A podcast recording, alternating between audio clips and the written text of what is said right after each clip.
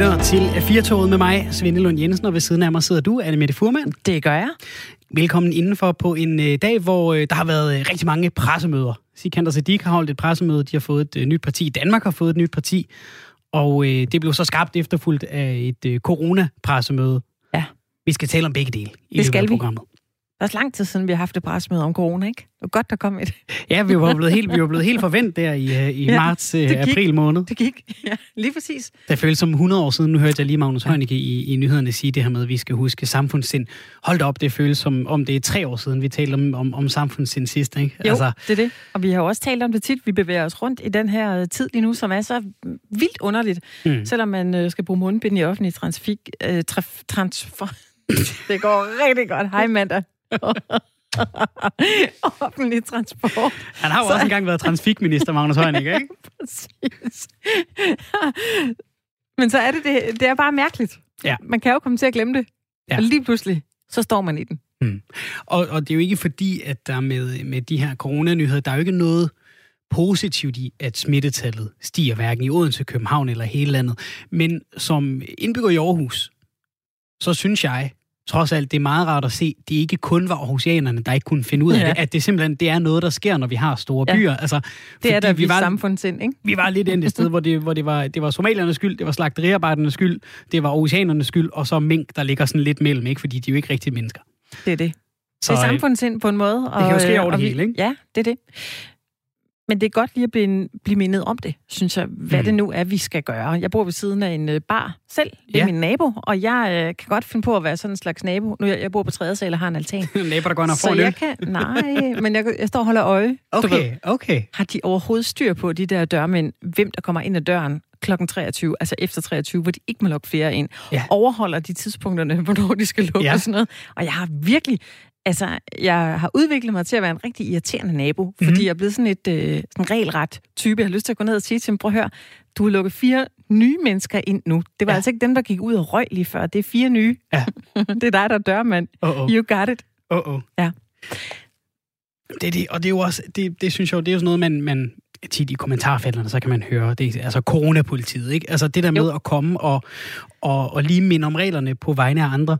Ja. Og, og det kan man jo gøre, men det kan også føles, mm, det kan også føles lidt træls med sig selv, ikke? Og om, Jo. om du kan ende med, altså det er jo også noget af det, jeg synes, vi har hørt øh, mange steder fra, altså der, der er flere af sådan nogle sammenstød folk imellem, hvor der er en, der kommer og siger, du skal huske din mask, du Ja. skal blande dig udenom, det er mit eget valg, Ja. sådan og sådan og sådan, ikke? Jo. Øhm, jeg så også nogen, jeg var, jeg var i Djurs Sommerland i, i weekenden med Ja. min søn, og der var jeg også lige ved at gå op til en far og hans datter og sådan sige, hey, vi lige holde lidt afstand i, i, i køen til øh, det faldende vandtårn, ikke? Jo. Og, og så tænkte jeg, mm, jeg venter lige at se, om de gør det en gang til, og så nåede de frem, og så var det fint. Og jeg var egentlig meget glad for, at jeg ikke behøvede at tage den konfrontation i øh, mini-westernland.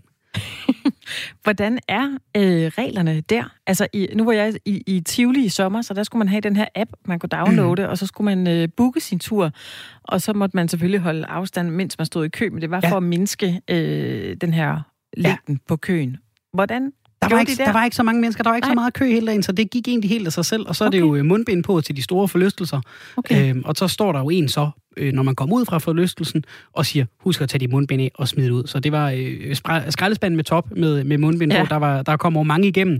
Og det har de jo været ude lige præcis Djurs Sommerland og sige, øh, de havde simpelthen problemer med, at folk sagde, øh, jeg har tabt mit mundbind i tieren, og så havde de bare stukket det i lommen, fordi så skulle de ikke bruge 5 kroner næste gang, Ah. øh, de skulle lidt med mundbind. Ja. Jeg havde mundbind med hjemmefra, og Hvor mange havde du med så? Jeg så havde havde du sådan- ligesom booket øh, x antal per forlystelse. Jeg havde en stak med, så vi kunne køre hele dagen. Og det, jeg tror nærmest, de har været dyre end 5 kroner, fordi vi købte dem lige, altså lige da der øh, kom mundbinds påbud i Aarhus, så vi købte dem til 400 kroner pakken op i magasin, ind, inden de blev sådan halveret øh, og skåret i kvart i, i pris. Så, øh, så jeg havde øh, min egne, min egne dybt, øh, dybt dyrebart indkøbte øh, mundbind med. Det du var skal super. have dem graveret, du skal have skrevet på dem. Det der er dyrt et, som en af de første. Jeg tror, jeg tror ikke, jeg kan, jeg tror ikke, jeg kan lave altså sådan med, med, med, med logo i, altså med monogram i, uden, altså jeg tror, det ødelægger CE-mærkningen, hvis man begynder at sy, øh, sy logo i. Du kunne begynde at excellere i det, Svende. Du ved det ikke. Der er muligvis en helt ny øh, forretning for mig der. Det var en, øh, det var en fin tur i, i Djurs Sommerland. Vi var oppe i, i Tigeren. Øh, en af dem, jeg var afsted med, tabte sine briller derop. De røg simpelthen ned, altså oppe fra 45 meters højde. Ej, nej, nej. Øh, så var jeg nede og lede efter dem. Der kunne jeg se, der var masser, der rent faktisk havde tabt deres mundbind, så måske var forklaringen egentlig okay. De lå nede i bambushaven, og masser af mundbind og hårelastikker og en enkelt hue. Ingen briller, dem fandt jeg ikke, det gør. Men øh, måske næste gang. Støttepartierne, de radikale venstre og enhedslisten bakker op om organisationernes ønske om at hæve aldersgrænsen ved køb af alkohol. Udmeldingen kommer på baggrund af 22 organisationer, der foreslår at hæve aldersgrænsen fra 16 til 18 år. Med begrundelsen, at de danske unge sidder på Europarekorden som dem, der drikker mest og oftest har været fulde. I en artikel i Jyllandsposten, der udtaler de radikale sundhedsordfører Stinus Lindgren, vi synes, det er et fornuftigt forslag. Vi kan se, at vi har et problem i Danmark, og vi kan se det fra andre lande, at det virker. Når man hæver aldersgrænsen, så drikker folk mindre og begynder at drikke senere. Det handler ikke om en forbudspolitik, men en forebyggelsespolitik, hvor vi får et sundt forhold til alkohol. Men nytter det overhovedet at hæve grænsen for køb af alkohol? Du må også meget gerne melde ind derude, kære lytter. Du kan ringe 72 30 44 44 eller sende en sms på 1424. Så skriv du R4 og et øh, mellemrum. Skal man hæve grænsen på øh, køb af alkohol? En, der ved lidt om emnet, det er dig, Janne Schurman Tolstrup. Du er professor ved Statens Institut for Folkesundhed. Velkommen til programmet. Er det måske herovre? Janne, velkommen til. Nej. Jeg prøver lige igen. Hallo? Nå. Jeg har simpelthen ikke noget øh, lyd igennem her. Nej. Jeg prøver at få fat i Janne Schurman Tolstrup, som er øh, professor ved Statens Institut for øh, Folkesundhed. Lige om lidt, så er den der forhåbentlig. Jeg prøver lige at se, om jeg kan skrue på en øh, knap her. Der sker ikke rigtig noget. Jeg kan se, at min øh, søde kollega arbejder også hårdt om bag øh, glasset her. Vi, øh, vi skal tale om det her med, øh, med, med at hæve potentielt aldersgrænsen på alkohol. Det er jo noget, som kommer op og vende en gang imellem. Og det er jo rigtigt, at de danske unge, de har, som vi siger, Europarekorden i at, at drikke. Det er noget, vi snakker om tit. Det er altså noget af en kulturændring, det ville, det ville kræve, hvis man skulle gøre det, ikke? Og så sige, hov, nu, nu, kan du, øh, nu kan du glemme det. Hov, så sker der måske noget ved telefonen. Janne, hallo? Det lyder sådan. Ja, hallo. Hej, Janne Schurman Tolstrup. Du er professor ved Statens Institut for Folkesundhed. Ja. Jeg vil gerne spørge dig, hvad er fordelene ved at hæve aldersgrænsen ved køb af alkohol? Jamen, fordelen er jo, at øh, unge, som er øh, under øh, den så øh, nye aldersgrænse, de vil ikke selv kunne gå hen og købe alkohol. Der skal en eller anden voksen, måske en forælder, øh, indblandes for at, øh, at kunne få fat i alkohol. Det her forbud, øh, det er jo et forbud, der retter sig mod køb. Det er jo ikke mod det at drikke det, så det bliver altså ikke kriminaliseret at være 17 år gammel og, øh, og drikke en, øh, en øl, bare lige at få, øh, få den på, øh, på plads. Ikke? Hvad er så ulemperne? Kunne du høre, hvad jeg sagde, Janne? Ja, jeg, kunne, jeg oh, det kunne du godt. Høre, hvad, ja. øh, hvad du sagde. Ja. Altså, ulemperne er selvfølgelig, at det her forbud, det skal, øh, det skal håndhæves ligesom de hvad hedder det, aldersgrænser, som vi, øh, vi har nu. De aldersgrænser, vi har nu, de er jo todelte og er ret komplicerede øh, hvilket jo selvfølgelig ikke gør det lettere at, øh, at få dem, øh, dem håndhævet. Vel? Og, og det det vi også ved, det er, at de bliver faktisk ikke øh, håndhævet. For både øh, forældre og for unge og for alle mulige andre, dem der står i butikkerne, der vil det simpelthen være lettere at få håndhævet en meget enkel og klar aldersgrænse. Den er 18 år for at købe øh, varer med, øh, med alkohol i. Ikke? Og det vil også sende et, et ret stærkt øh, signal omkring, at det her med øh, øh en masse alkohol og så børn og unge, det er en rigtig dårlig kombination. Hvis vi så, som, som, som vi snakker om her, hæver grænsen for køb af alkohol, risikerer vi så ikke, at, at et, at der bliver et sort marked, hvor unge køber alkohol på ulovlig vis, eller to, at de bare får en, de kender over 18 til at købe det til sig alligevel? Jo, altså faktisk, der vil det jo også være lovligt, det der med bare for en, der er øh, over 18 til at købe det for sig øh, alligevel. Altså det med det sorte marked, det taler vi jo altid om, ikke? Mm. Altså ligegyldigt hvad vi vil, så er der nogen, der kommer og siger, at det hjælper ikke, fordi der, der er et stort sort, det er et stort sort marked. Øh, det, det, det tror jeg øh, som en ikke. Men der, altså, det skal så også siges, der er jo heller ikke nogen, der tror, at hvis vi laver sådan et forbud, så, løs, så løser det det her problem med den massive druk, vi har blandt øh, danske unge, som jo er på øh, verdensplan meget, øh, meget højt. Ikke? Mm. Det, det er klart, at sådan et forbud her, det står, ikke, øh, det står ikke alene. Der er behov for opbakning selvfølgelig fra både forældre og lærere og øh, alle mulige af, af os øh, øh, voksne. Ikke?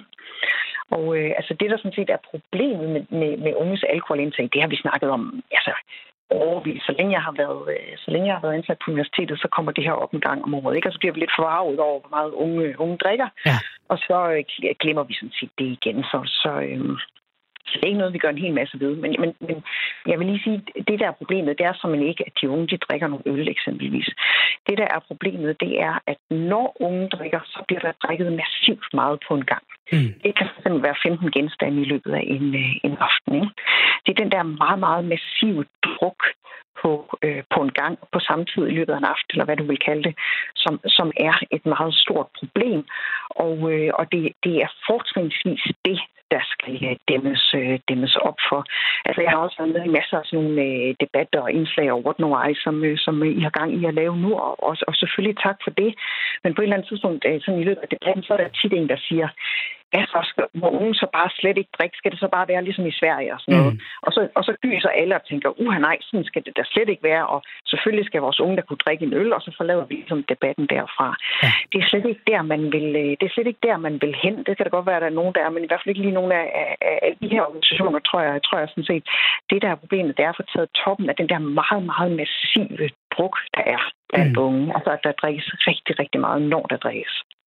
Og, og, og når vi snakker om det her, som du siger, øh, Janne, så vil, så vil det jo ikke betyde, at man ikke som 16- eller 17-årig kan skaffe eller få lov til at drikke øh, alkohol. Altså det vil man stadig kunne gøre, hvis man holder en fest, bare der er en over 18, der har indkøbt det. Så lad os sige, at vi kigger mod øh, ungdomsuddannelserne. Det er typisk der, at de unge møder øh, festkulturen, sådan, øh, i hvert fald for alvor, hvis man ser på det brede flertal.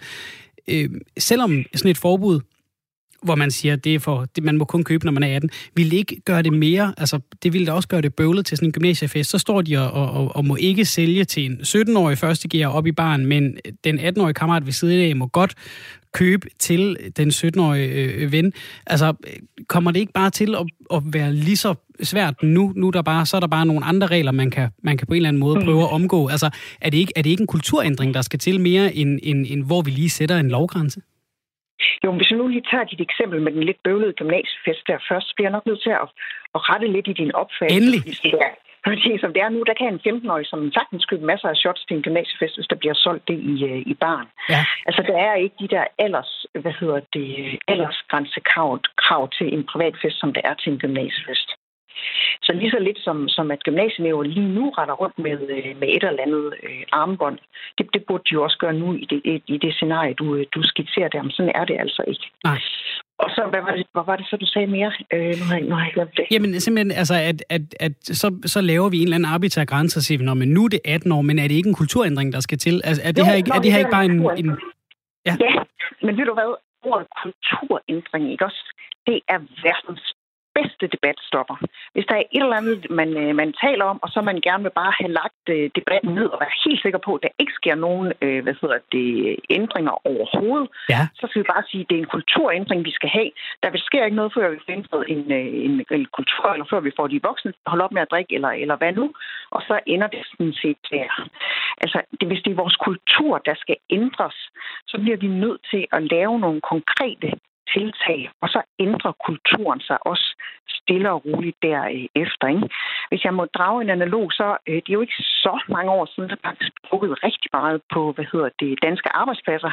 Ja. Og så tænker, så tænker I sikkert alle sammen på håndværker eller et eller andet, men sådan, det var jo slet ikke... Øh, øh, og, altså, hvis man tænker på de store mediearbejdspladser, altså mm. DR, tal med alle, som arbejdede ude i, hvad hedder det, tv-penge, tror jeg, det hed dengang, øh, i op gennem øh, 90'erne og i, og i 0'erne, der ikke var det godt måtte drikke, der blev drukket meget på arbejdspladserne.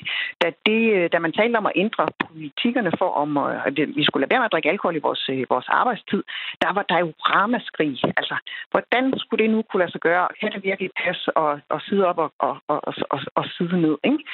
Øh, og så indførte vi det her, øh, for langt de fleste steder, som steder som Folketinget er det, jo, er det jo ikke indført, men langt de fleste arbejdspladser, de har sådan et, vi drikker ikke, arbejds, vi drikker ikke alkohol i vores arbejdstid. Mm. I dag, der synes langt de fleste, at det er en rigtig god og en helt naturlig ting, ikke at blande vores almindelige arbejde sammen med, øh, med alkohol. Ikke? Mm. Så der kan du sige, at der lavede man øh, noget, fordi der var rigtig gode grunde øh, til det. Danskerne havde et tårnhøjt øh, alkoholindtag på det tidspunkt. Heldigvis drikker vi en lille smule mere sådan, altså, gennemsnitsbetragteligt i, øh, i, øh, i Danmark nu. Det tror jeg, det der med arbejdspladserne har været medvirkende til sådan en helt anden, helt anden snak. Ikke? Det var med til at ændre den kultur, der var for, hvordan vi så alkohol på arbejdspladserne, at vi fik lavet det tiltag øh, dengang. Hvis vi havde sat os ned og sagt, Nå, men, altså, det, vi ændrer ikke nogen, øh, nogen øh, politikker, det var ikke, noget, det var ikke nogen lovgivning, det der med, med alkohol på arbejdspladserne, det var nogle, nogle alkoholbutikker på de forskellige arbejdspladser. Ikke? Men hvis vi havde sat os ned og sagt, det er en kulturændring, der skal til. Lad os vente til vores, øh, vores kultur ændrer sig, så var der ikke sket en det, det vil simpelthen være min, øh, min, hvad hedder det, min påstand. Mm-hmm. Lige med det, som der er her med de unge, der er nogle super gode grunde til, at man skal øh, indrette øh, rammerne, så vi kommer til at komme hvad hedder det, i den retning, som vi gerne vil. Og så stille og roligt, fordi det netop er en rigtig god idé, der er så meget ræson i det, så vil kulturen, øh, som du siger, også ændre sig stille og roligt øh, derefter. Så er det egentlig, ifølge dig, så er det her det helt rigtige første skridt at tage på, på, på vejen til at, at prøve at gøre op med, med den her kedelige førsteplads, vi har i Europa for eksempel? Øh, ja, altså jeg vil gerne gøre en... Jeg har, jeg har egentlig ikke nogen illusioner om, hvis man gør det her i sig selv. Altså det, det er kun et lille skridt på, Hvad skal der mere på til? vejen. Ikke? Jamen altså, der skal jo det til, at når man for eksempel holder gymnasiefester, så skal det ikke være druk, som er i, øh, i centrum. Altså på et tidspunkt for, det går nok øh, måske to eller tre år siden, der blev lavet sådan en gennemgang af, hvordan, øh, hvordan holder gymnasierne egentlig fest, hvordan øh, annoncerer de for det, hvordan omtaler de det, hvem er med i festivalet, mm. og så videre, så videre, ikke? Og der kan man jo se, at det her med at drikke sig meget, meget fuld og drikke rigtig meget på en gang, det var det, der blev hyldet som ideal. Ja. Og du ved, så siger du til mig, hvad gjorde du selv, da du gik i gymnasiet? Det er jo også mega sjovt, er det ikke det? Jo, det kan det i hvert fald være. Men mm. undtagen, når du lige bliver så fuld, du bliver syg, eller gør noget, du fortryder, eller kører galt på din cykel. Og så er der det ret store flertal, som egentlig ikke synes, det er så fedt, mm. at for at man skal være, øh, hvad hedder det, socialt integreret, eller øh, så videre, så videre, så skal du drikke en, øh, en hel masse øh, øh, alkohol. Det er jo heller ikke kun på, på, på gymnasierne, ja. Det er jo også i forbindelse med, øh, med studiestart og, og sådan noget det med, at vi i Danmark ser det som, altså, vi ved, de fleste af os i hvert fald, vi ved, hvordan vi kommer eller hvad, hvad de uskrevne regler ligesom er for at socialisere og lære hinanden at kende og sådan noget, hvis mm. der kommer øl på bordet. Fordi det har vi prøvet så mange gange før. Det er den måde, vi har øvet os i det på. Jamen, jeg læste, jeg læste nogle, nogle øh, studerende i Odense her i den her weekend, altså, hvor, hvor vi alle sammen har været på, på coronavagt. Øh, de øh, synes ikke, de kunne lære hinanden at, at kende nok i klasseværelset, så de var, taget, de var taget ud for at drikke nogle øl. Ikke? Altså, det er det, vi gør, når vi skal, når vi skal lære hinanden at kende i Danmark. Og, og, og faktisk, altså, jeg synes slet ikke, der er noget galt med at drikke, øh, at drikke nogle øl. Det er helt fint så længe der er også plads til, til dem, som, øh, som sidder og drikker en, øh, en sodavand øh, i stedet for. Mm. Det er det der med, at det der meget intensiv druk, hvor det er det, der bliver omdrejningspunktet, og hvor der også bliver drukket rigtig, rigtig, rigtig mange genstande på en gang. Det er det, vi først og fremmest skal rette vores mod. Og helt kort, må jeg bare lige til aller, aller sidst, Janne Schumann bare lige igen øh, øh, snakke om kulturændring, ikke? Fordi det er vel også noget af det, der skal til, når vi snakker om, om det her med den massive druk til, til sådan noget som, som gymnasiefester, fordi der, der skal vel en ændring til, at den måde, man gør det på, fordi der er jo masser af gymnasier, eller nogen få gymnasier måske i virkeligheden, som, som laver forsøg med at sige, men nu har vi fester uden alkohol, eller kun med lidt alkohol, men de er jo også en forretning, skal trække elever til, og hvem vil hen på det første drukfri gymnasium, sådan som udgangspunkt, ikke? fordi man har jo en fortælling om, det er sådan, det er at gå i gymnasiet. Det, er lidt, lidt, det, det var lidt det, jeg mente med kulturændringen. Er, er det bare noget, hvad kan man sige, det, det skal have den samme gang, som, som for eksempel det her med at, at få 1, 2, 3, 7 øl i frokostpausen. Det skal vi lære fra os, eller aflæres, kan, hedder det vel? Ja, det, det skal vi aflæres, og, og øh, altså jeg har bestemt også talt med gymnasierektorer, som, som, øh, som omtaler det her som et konkurrenceparameter gennem mellem øh, gymnasierne, ikke også? Mm at øh, hvem der kan holde de bedste fester og sådan noget. Jeg er sikker på, at man kan holde nogle knaldgode fester, hvor man ikke er helt ude i, i hegnet øh, hver gang. Og jeg ved også, at der er blevet lavet nogle forsøg, for eksempel i øh, er det i Horsens på gymnasiet, hvor de ligesom har forsøgt at gøre op med det her drukproblem. Man må gerne drikke nogle, øh, nogle øl, og så har man i øvrigt indrettet festen, så det ikke skal være med den der massive druk, som hvad hedder det, øh, altså i centrum, men hvor man lavede nogle andre sociale øh, øh, tiltag, tiltag, hvor man ligesom tænker, okay, vi vil gerne lidt ned på alkoholen, vi laver nogle restriktioner for, hvor mange, hvor meget man må, hvor fuld man ligesom må være, ikke? og så bygger de lidt op på det, øh, på det øh, sociale, som i virkeligheden er det, det handler om. Altså unge drikker jo for på en eller anden måde at interagere med, øh, med, med hinanden. Ikke? Så jeg kan godt lide den der tankegang med, at det ikke skal være bare sådan noget forbudsnået. Vi skal indrette det, så det er sjovt at gå til fest. Selvfølgelig skal vi det. Og som jeg også har sagt nogle gange, jamen selvfølgelig kan man, i hvert fald i min optik, drikke nogle øl. Vi skal bare ikke helt derud, hvor det bliver så massivt druk hver gang. Det er sandsynligt, druk skal væk. Tak for det, Janne Schumann Tolstrup, professor ved Statens ja. Institut for Folkesundhed. Ja, selv tak. Og øh, som det er god stil at gøre, når vi nu sidder og taler om de unge, så i stedet for mm. kun at tale om dem, så lad os tale med dem også. Vi vil gerne byde velkommen til vores næste gæst. Det er dig, Ingrid øh, øh, Kærgaard. Du er forkvinde for Danske Gymnasieelevers Sammenslutning. Velkommen til programmet. Tak. Hvad mener I om forslaget om at hæve aldersgrænsen for køb af alkohol fra 16 til 18 år? Jamen, vi er imod det forslag, der er kommet fra de her 22 organisationer om at hæve aldersgrænsen for at købe ølvin til 18 år, øh, fordi at vi synes, at den her differentierede aldersgrænse faktisk er en rigtig god idé, fordi det jo betyder, at de unge lærer at, at drikke alkohol øh, med måde ved kun at drikke øl og vin, og først, øh, når de fylder 18, har mulighed for at købe, købe stærkere alkohol, altså købe vodka for eksempel, øh, og på den måde får man ligesom en, en blidere start, hvis man kan sige det sådan. Men kan I ikke se pointen ved, at der er en, en masse organisationer og, og nogle politikere, som med sundhedsfagligt øh, baggrund, ikke fordi de sådan vil løfte pegefingeren og bestemme, men, men, men, men fordi der er, der er nogle uheldige europarekorder verdensrekorder, hvor, hvor Danmark ofte ligger ret skidt i forhold til, øh, i forhold til unge og, og alkoholindtag. Gør det slet ikke indtryk? Jo, man kan selvfølgelig sagtens have et politisk mål om at ændre den øh, drukkultur, der er i Danmark. Øh, jeg vil mene, at der er en usund drukkultur på tværs af generationer. Øh, nu synes jeg, at vi snakker meget om de unge. Jeg synes, mm-hmm. at, at der er mange voksne, øh, der er mindst så dårlige. Øh, og, og jeg synes, men, men jeg ved ikke, om jeg synes, at det her er den rigtige løsning. Altså for det første er der noget eksisterende lovgivning på området, nogle eksisterende aldersgrænser, som øh, bliver meget dårligt håndhævet. Jeg tror, der er mange 14-årige, der kan gå ned i øh, kiosken rundt om hjørnet og købe lidt af hvert. Øh, så man kan fx kigge på det, i stedet for bare at hæve aldersgrænserne. Øh, og man kan kigge på, at man, altså en kulturændring ikke nødvendigvis skal være et forbud. Tværtimod tror jeg, at øh, et forbud kan føre til en trådsreaktion og føre til, at folk alligevel drikker i det skjulte. Hvis man vil lave en reel kulturændring, så tror jeg, at man skal være bedre til at tage samtalen om, hvordan får vi en fornuftig alkoholkultur, hvor der er plads til alle, også dem, der vælger alkoholen fra. Mm. Inge Kærgaard, hvordan øh, oplever du så øh, festerne på, på gymnasiet? Nu vi talt med øh, Janne Schumann Tolstrup lige før, der er professor ved Statens Institut for Folkesundhed, som sagde, at det der også var problemet, det var det her med, at mange unge simpelthen kom op på en øh, 15 genstande per, per fest. Altså, hvad, hvordan ser statusen ud, når I holder fester? Ja, jeg tror ikke, jeg kan komme med, øh, med et tal på det, men mit indtryk er, at øh, for det første sker der, altså kan man se i forhold, når vi snakker forbudskultur og, og begrænse adgang til alkohol, men vi kan se, at når vi hæver priserne til gymnasiefesterne i barn, så begynder folk at tage en masse shots, inden de går ind, og det er jo så der, at de begynder ikke at kunne styre det. Men fordi man ikke gider at købe dyr øl ind til festen, så tager man en masse shots, inden man går ind. Øh, men generelt er mit indtryk, at øh, alkoholkulturen og, og den måde, man, man fester for eksempel, bliver bedre af, at man har taget en snak om det i klassen inden. Altså, at det løser mere, at man siger, at der er et rum for, at folk kan sige, at jeg drikker meget, eller jeg drikker ikke så meget, eller jeg har slet ikke lyst til at drikke. Og at man så bliver enige om, at det skal der selvfølgelig være plads til, og vi respekterer alle, alles valg, og øh, hvis der er nogen, der får det dårligt, så sørger vi for at tage, altså passe på dem. Og jeg tror, at den snak rykker mere, end et forbud gør.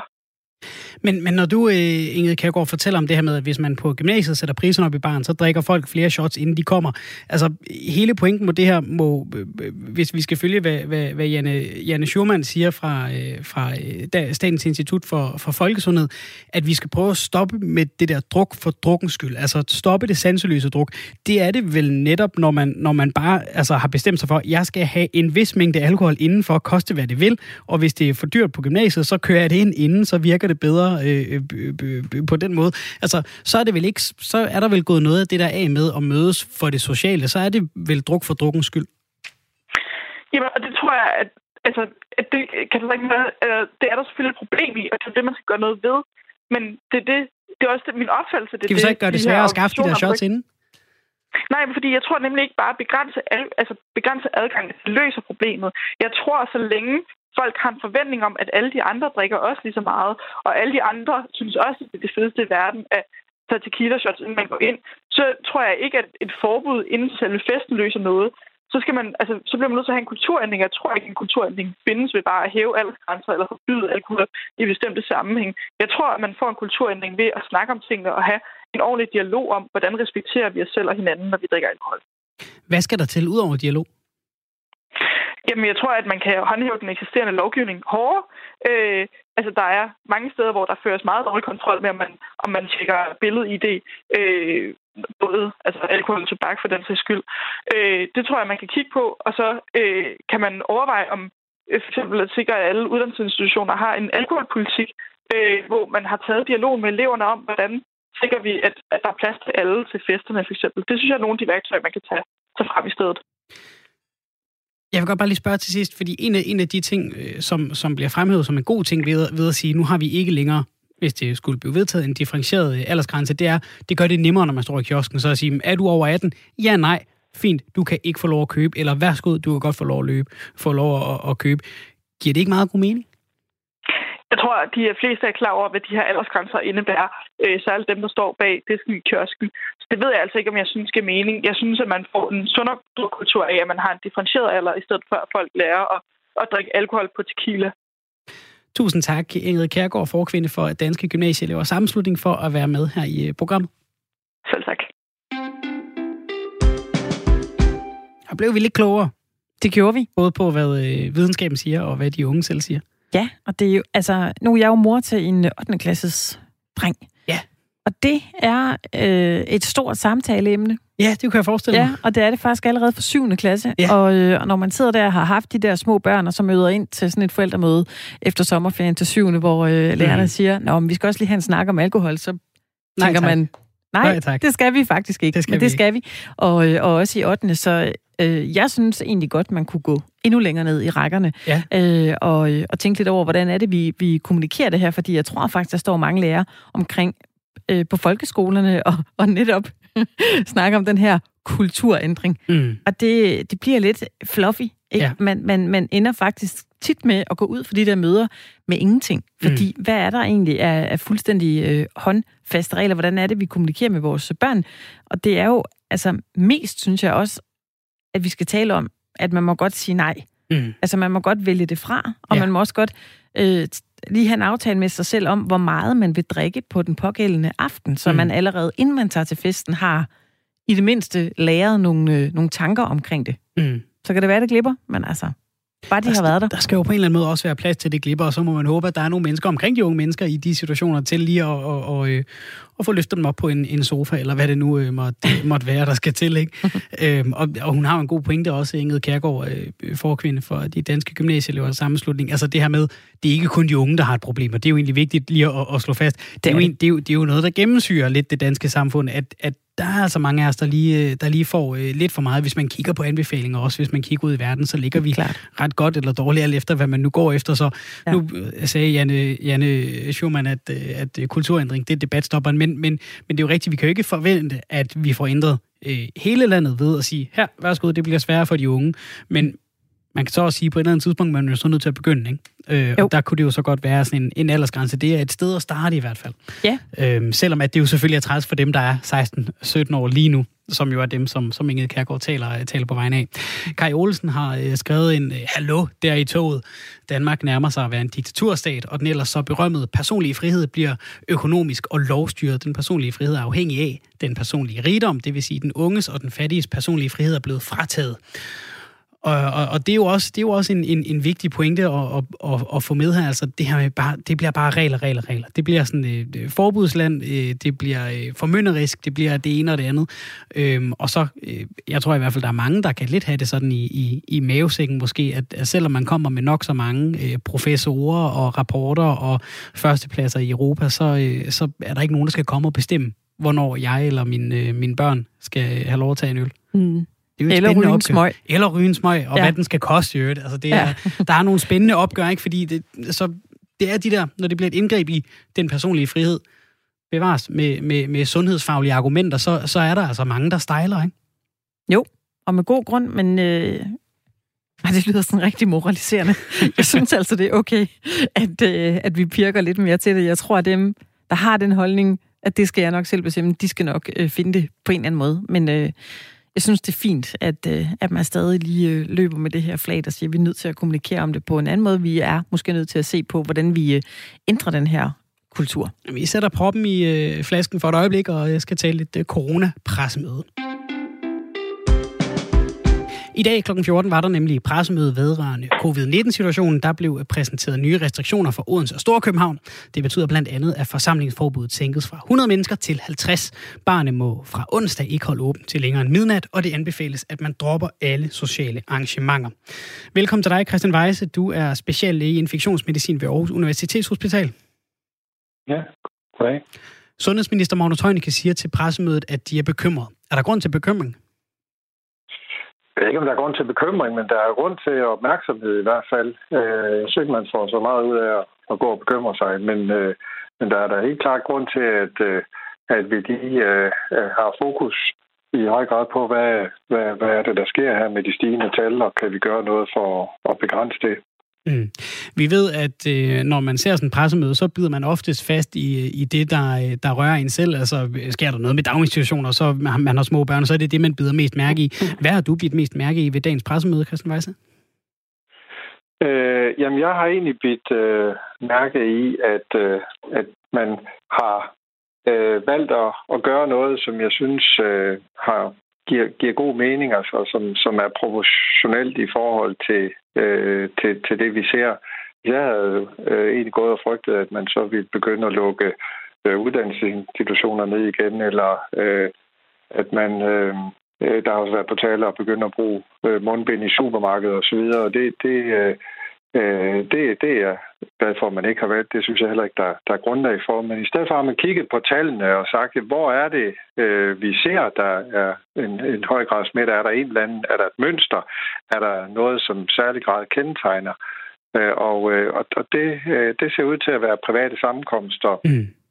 Ja, og, og fester, og derfor så har man sagt, at det er det, vi, vi sætter ind over for. Det synes jeg, det, det er logisk, og det er rimeligt. Og det var også det, vi hørte øh, før weekenden fra, øh, fra sundhedsminister Magnus Heunicke, at det var altså ikke så meget på uddannelsen, det gik galt. Det var mere i det private, og så slipper vi det jo så med alle mulige andre steder hen. Hvordan vurderer du de nye restriktioner for Odense og Storkøbenhavn? Er de tilstrækkelige, eller, eller kan vi risikere, at der kommer strammere tiltag lige om lidt?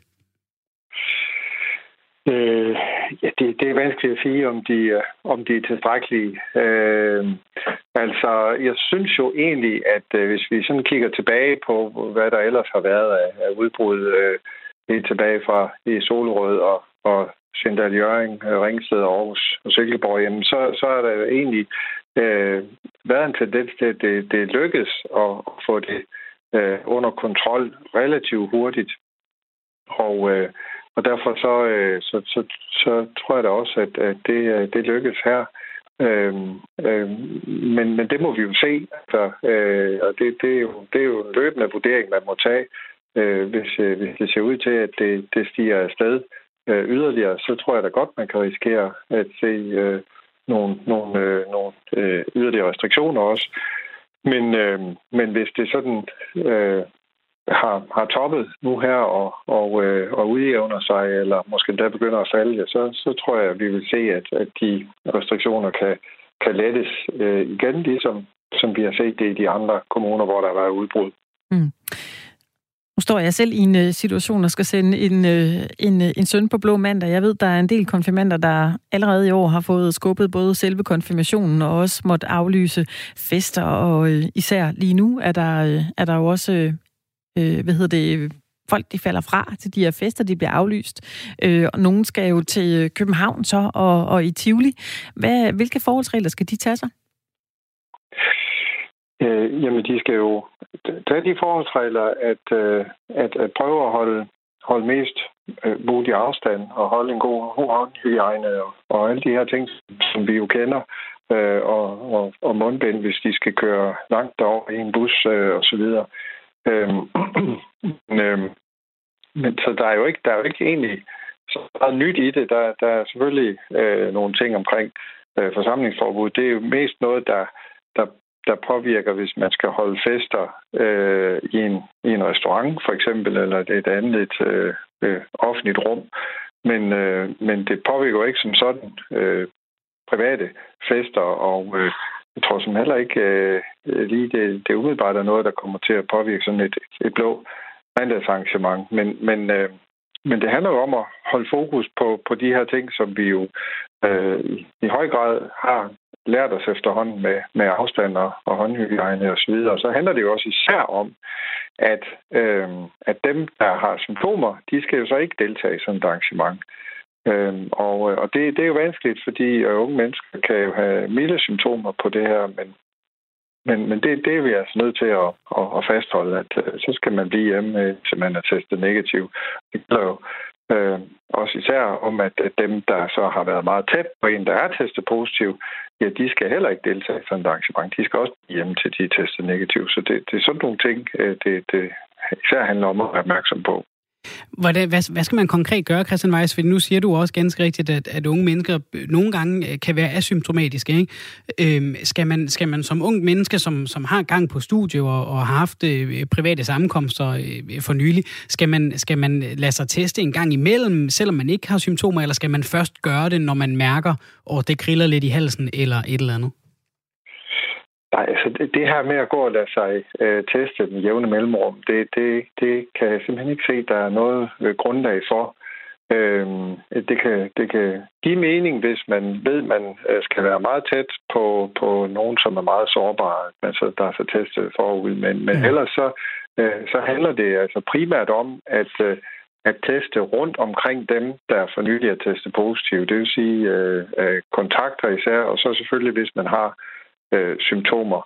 Og, øh, øh, og, og det, det, det, er, øh, det er simpelthen det væsentligste. Øh, det er ikke for at sige, at man ikke også godt kan finde nogen, der tester positiv blandt dem, der øh, overhovedet ikke har nogen symptomer. Men, men der skal jeg så også huske på, at, øh, at blandt dem, der ingen symptomer øh, har overhovedet, og heller ikke på noget tidspunkt får symptomer, der, altså, de smitter formentlig heller ikke af ret.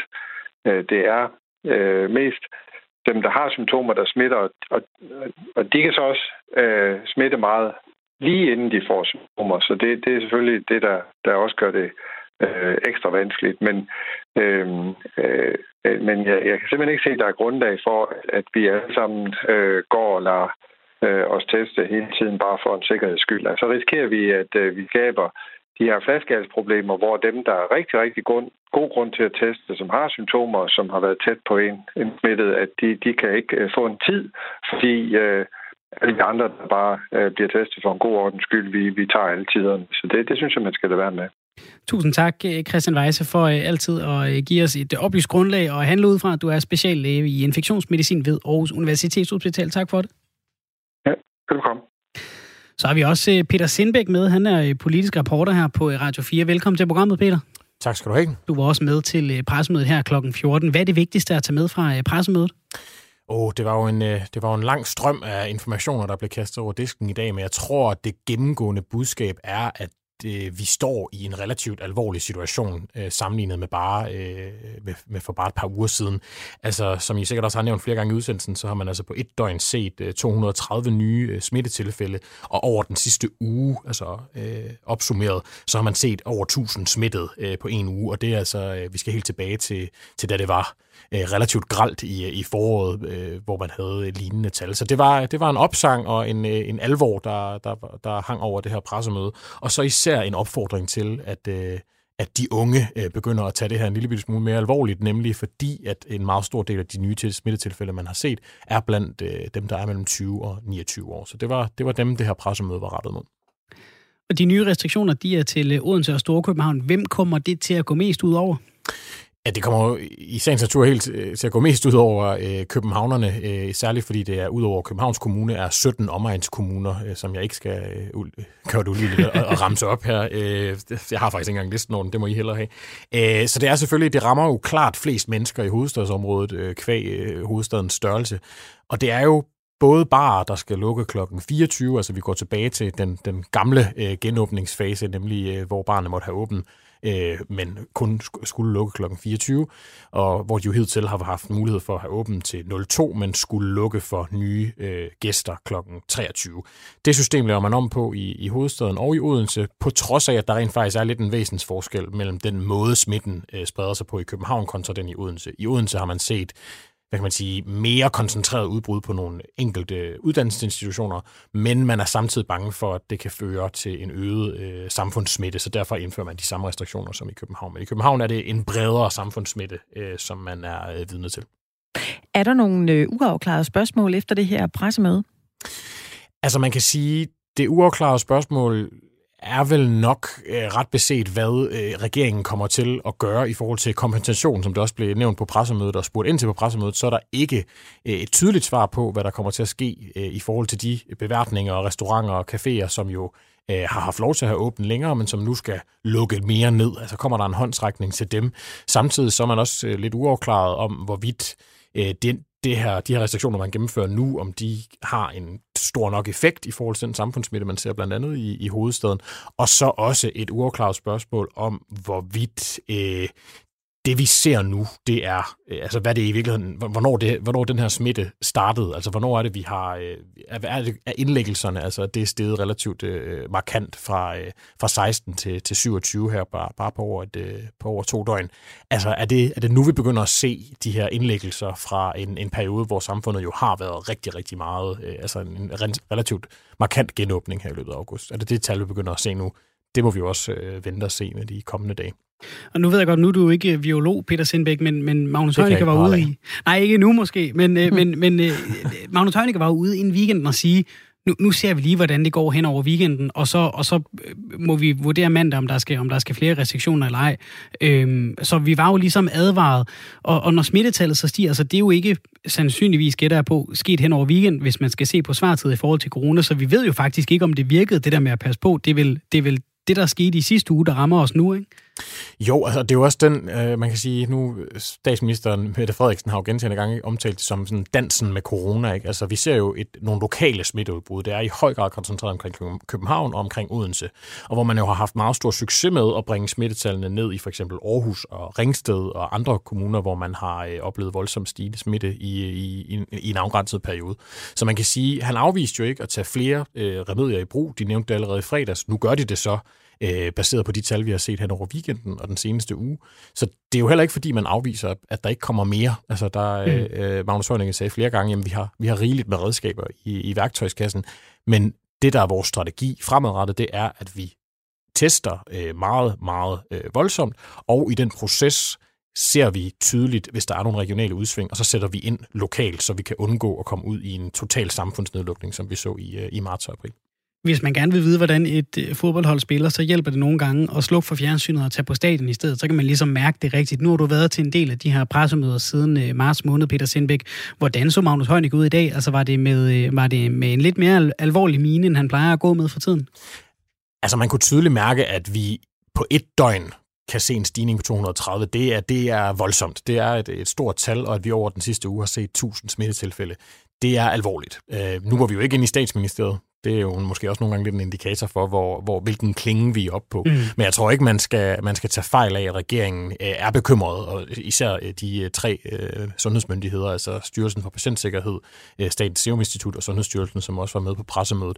Altså, de er bekymrede for, at i særdeleshed, at danskerne slækker på de grundlæggende retningslinjer. Altså, som de også sagde, vi kan, vi kan gennemføre de her restriktioner, alt det vi vil. Vi kan sætte nye øh, tidsbegrænsninger på, hvor længe du må være på bar. Men i, til syvende og sidst, så er det mest effektive, at danskerne holder afstand, og at man begrænser, hvor mange øh, sociale arrangementer man deltager i, og at man øh, spritter af og holder en god håndhygiejne.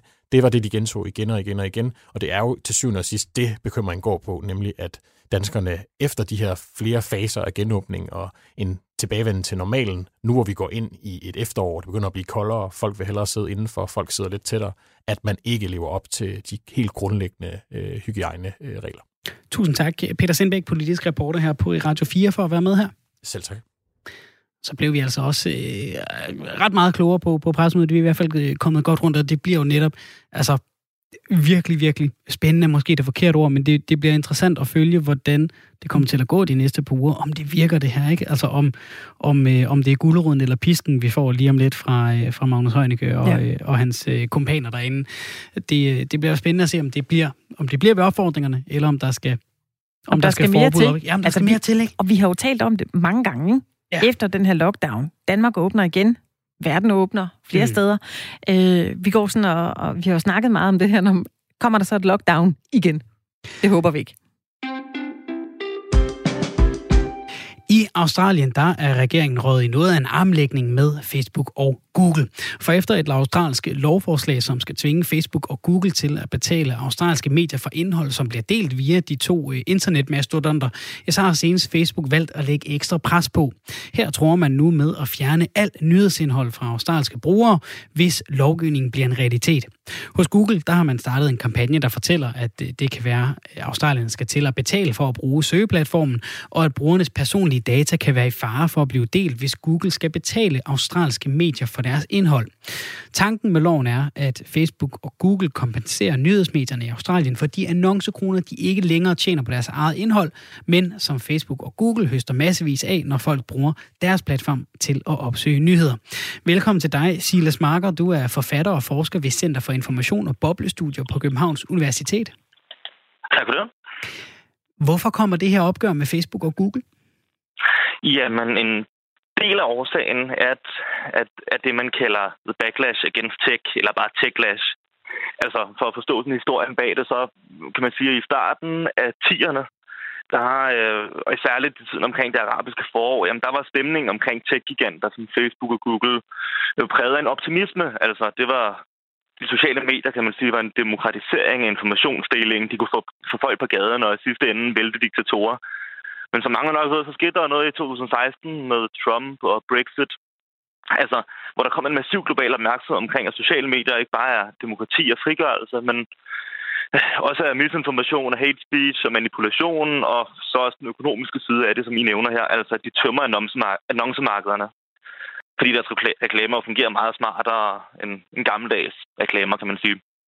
Øhm, og der går at den australske regering jo så øh, gået, gået forrest øhm, og prøver så som nogle af de første at sige, okay, kan vi få Facebook og Google til at betale noget af det tilbage til øh, fællesskabet, om man vil, som, øh, som man kan sige, de har taget. Og nu er vi jo så i en situation, det de snakker om i Australien, det er sådan sammenblandingen af, af de her internetmastodonter, Facebook og Google, altså, altså de her online-annoncører og, og sociale medier, og så de traditionelle medier. Hvad er det for en situation, de traditionelle medier er efterladt i øh, med den rolle, som, som spillere som Facebook og Google har haft de sidste, de sidste par år? Jamen, jamen, når jeg tænker på Facebook og Google, så kommer jeg virkelig til at tænke på de gule siders gamle slogan, hvis man kan huske det, altså, som lød, findes det, findes det her. Mm. Og det kunne lige så godt være Facebooks og Googles slogan. Altså, de har jo fungeret som en slags gatekeepers og kuratorer af, øh, af information, altså som dem, der viser os, hvad der sker og hvad der er at tale om. Øhm, så mere og mere vores informationssøgning og den offentlige debat, som jo før i tiden foregik, øh, jo stort set kun på, på i de traditionelle medier, jamen de er jo så ryddet over på de sociale medier nu, ikke? Altså, man kan sige, at de ikke bare bestemmer, altså de, de selvfølgelig ikke bestemmer, hvad vi skal tænke, men hvad vi skal tænke på. Og, øh, og det er klart, at det efterlader de traditionelle medier i et dilemma. Altså skal de indrette sig efter, de, øh, efter at deres indhold kan øh, gå godt, kan man sige, i de sociale mediers algoritmer, med far for, at det går ud over kvaliteten, og eller skal de holde sig til de gamle, traditionelle journalistiske kriterier? Øhm, og øh, altså, medierne spørger ligesom sig selv, kan man er nødt til at spørge sig selv, hvor meget vi vil gå på kompromis, altså hvor meget vi skal indrette os med far for at miste alt, hvis man ikke indretter sig. Er det her et forsøg på at få Facebook og Google til at, at betale tilbage? Ja, altså, som jeg sagde før, det er det, men, og, og det er jo i virkeligheden et, altså, for mig at se et ret ydmygt forsøg, de forsøger, altså de laver her, ikke? Men man har jo ikke sagt, hvad Facebook skal betale. Man har krævet, at Facebook og Google møder op ved forhandlingsbordet ikke, for at aftale en passende pris for det indhold, andre har lavet, øh, men som de jo så får lov til at kuratere og, og profitere på. Øh, man har ikke lavet en pris, man trækker ned overhovedet på dem. Man, man har ligesom bare krævet, at de møder op til en forhandling. Altså, hvis Facebook ikke tjener så meget på nyheder, altså som de påstår, at de ikke gør, øh, så kan de jo, kan man sige, bare møde op ved forhandlingsbordet og sige det, og så kan man jo tage den derfra. Øhm, så altså, jeg synes måske, at Facebook overdriver en lille smule. Øhm, men det her meget, øh, den er meget drastiske trussel, de kommer med. Og er det i virkeligheden det, vi er ude i? Altså er det en, en klassisk øh, stigerkamp for at se, hvem der blinker først, som det jo ofte er, når, når der er nogen, der prøver at tage kampen med Google og Facebook og hvad de ellers hedder? Ja, altså det, det er det. Det er en, det er en stigerkamp. Men dermed ikke sagt, at øh, en af parterne nødvendigvis vil bakke ud på et tidspunkt og give sig. Øhm, og, og jeg kunne især godt forestille mig, at Facebook ikke ville bakke ud. Øhm, fordi de jo, altså, de har nået en, øh, ikke, en, ikke en decideret monopolstatus, hvad angår nyheder, men de har i hvert fald en stor indflydelse på, øhm, på informationsspredningen i, øh, i Australien. Altså at 39 procent af australierne får deres, øh, altså har Facebook som deres primære nyhedskilde, og det er tal, der er meget højere blandt, blandt de unge mennesker. Altså, mens at, at du, altså, du har jo ikke et, et lignende socialt medie, man bare kan gå over til, hvis øh, Facebook øh, dropper øh, dropper, at man kan, øh, at man kan dele nyheder på det. Øhm, så øh, jeg tror måske, at Facebook har op, hvad det overhånden i, øh, i den her stierkonkurrence her. Vil det være... Lad os prøve at lave et, et, et hypotetisk eksempel her. Ja. Så siger vi, at, at Australien lykkes med at, at lave øh, den her lovgivning, som siger, at man må ikke, man må ikke dele nyheder på, på Facebook længere. Det vil sige, som du siger, det, det er der mange får deres nyheder. Sådan er det også i Danmark. Vi har jo tilladt øh, sådan nogen som Facebook blive en enorm spiller i vores nyhedsbillede.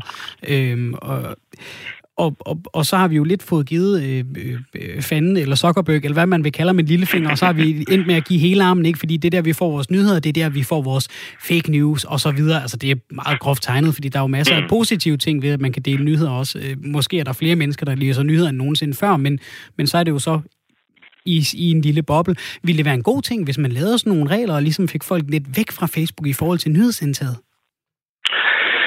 Det kommer an på, hvor man, hvor man så får Facebook, eller hvor man så får folk over i stedet for Facebook. Altså, ja. hvis man gerne vil løse de problemer, du taler om der, jamen, øh, altså, hvad ville det så hjælpe, at man, øh, at man bare fik dem over på et, altså, på, på et lignende medie? Øhm, jeg, jeg tror, at øh, man skal helt sikkert stille krav til, til tech-giganterne, og jo især hvad angår den her økonomiske side af det. Øhm, altså, øh, at de har en... Øh, at de er blevet nogle, nogle økonomiske mastodonter, der tømmer annoncemarkederne, og jo nogle steder har været med til at forårsage en, altså en, altså det, det man kalder nyhedsørkner. Ikke? Altså, så det, selvfølgelig skal man stille krav til dem. Men jeg tror ligesom også, at man skal arbejde på at digitalt danne befolkningen, altså at vi får skabt nogle, mm, nogle myndige borgere, der kan begå sig på, øh, på de sociale medier, tænke kritisk og ligesom vide, at at de er en del af en opmærksomhedsøkonomi, hvor deres opmærksomhed er et af de mest øh, et af, de, et af de dyreste, mest værdifulde aktiver. Mm. Øhm, så, så den side, ved siden af reguleringen og ved siden af det at stille krav, skal man jo også have med, altså uddanne befolkningen øhm, til at begå sig øh, i opmærksomhedsøkonomien og i på de sociale medier. Silas Marker, er der en uh, sandsynlighed for, at andre lande vil følge trop på Australiens uh, nybrud i, uh, i tilgang til Facebook og, og Google? Ja, det vil jeg tro, altså, fordi der er en generel opmærksomhed på de negative konsekvenser, vi har talt om. Ikke? Altså, øh, og samtidig så er det også svært for os som enkeltpersoner at gøre noget ved det, for eksempel gennem individuelle boykots. Altså, jeg mener, hvem vil, hvem vil være den første til at sætte sin Facebook, og ja, som den eneste gå glip af alt det, der sker der. Øhm, så jeg tror, der er noget, altså, der er noget ræson i, at staterne bruger deres magt til at sætte foden ned, og jeg kunne godt forestille mig, at flere vil følge med. Under de seneste medieforhandlinger i Danmark har der jo også været tale om, at man skulle kræve, at for eksempel Netflix og andre streamingtjenester betaler noget til, øh, til fællesskabet. Og øh, man har haft lignende diskussioner, som dem, de har i øh, Australien nu, i Frankrig. Altså, så, så tankerne er der allerede. Om det lige bliver den her måde, Australien har foreslået at gøre det på, det, det må bero på, tror jeg, hvordan det går i Australien, og hvor stor en succes de vil få med den her stigerkonkurrence, de er midt i lige nu. Og hvis vi skal prøve at rangere det her i forhold til de andre stigerkonkurrencer, er det så øh, en, du holder særligt øje med? Altså, er der gods i den her? Ja, det tror jeg helt bestemt. Altså, fordi Australien er, hvad man sige, altså, har vist sig så at være pionerer her, altså som, øh, med, med, i forhold til sociale medier, så med, med GDPR i EU, der de tog ligesom fat på datadelen af det, hvem ejer dataene, mens at Australien nu tager fat i den økonomiske del af det. Altså, hvordan kan vi få Facebook til at, og Google til at betale noget mere? Og, øhm, og det tror jeg helt bestemt er, er værd at holde øje med. Og, og, og, og så er det jo også en, altså en drastisk trussel at komme med, at de simpelthen vil fjerne muligheden for at dele nyheder. Så det er, det er meget interessant at følge. Tusind tak til dig, Silas Marker, forfatter og øh, forsker ved Center for Information for Boblestudier ved Københavns Universitet. Velkommen.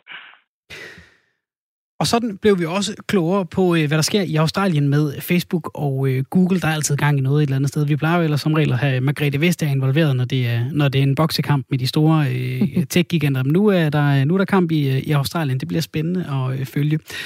Det er også en time, der bliver spændende at følge her den næste times tid i 4 Vi har masser af godt på tapetet Først skal vi have en øh, gang nyheder. Vi har talt øh, corona her i den, øh, i den første time af programmet. Der har nemlig været pressemøde her til øh, eftermiddag, hvor Magnus Heunicke blandt andre tonede frem og øh, sagde, nu er det altså ved at være lidt alvorligt igen. Øh, vi skal til at skære ned på de der sociale arrangementer. Der er blevet øh, indsat nogle, øh, nogle nye regler i øh, Odense og København, som du garanteret også kan høre mere om her i, i nyhederne, når du får med et øjeblik. Vi er tilbage igen på den anden side. Anne Mette Furman og jeg. Tusind tak for alle jeres beskeder. Bliv endelig ved med at sende dem ind til os 72 30 44 44, hvis du vil ringe til os. Ellers så er det en sms, du sender dem afsted til 1424. Skriv R4 og så et mellemrum og så din besked. Inden da er der nyheder. Klokken er 4.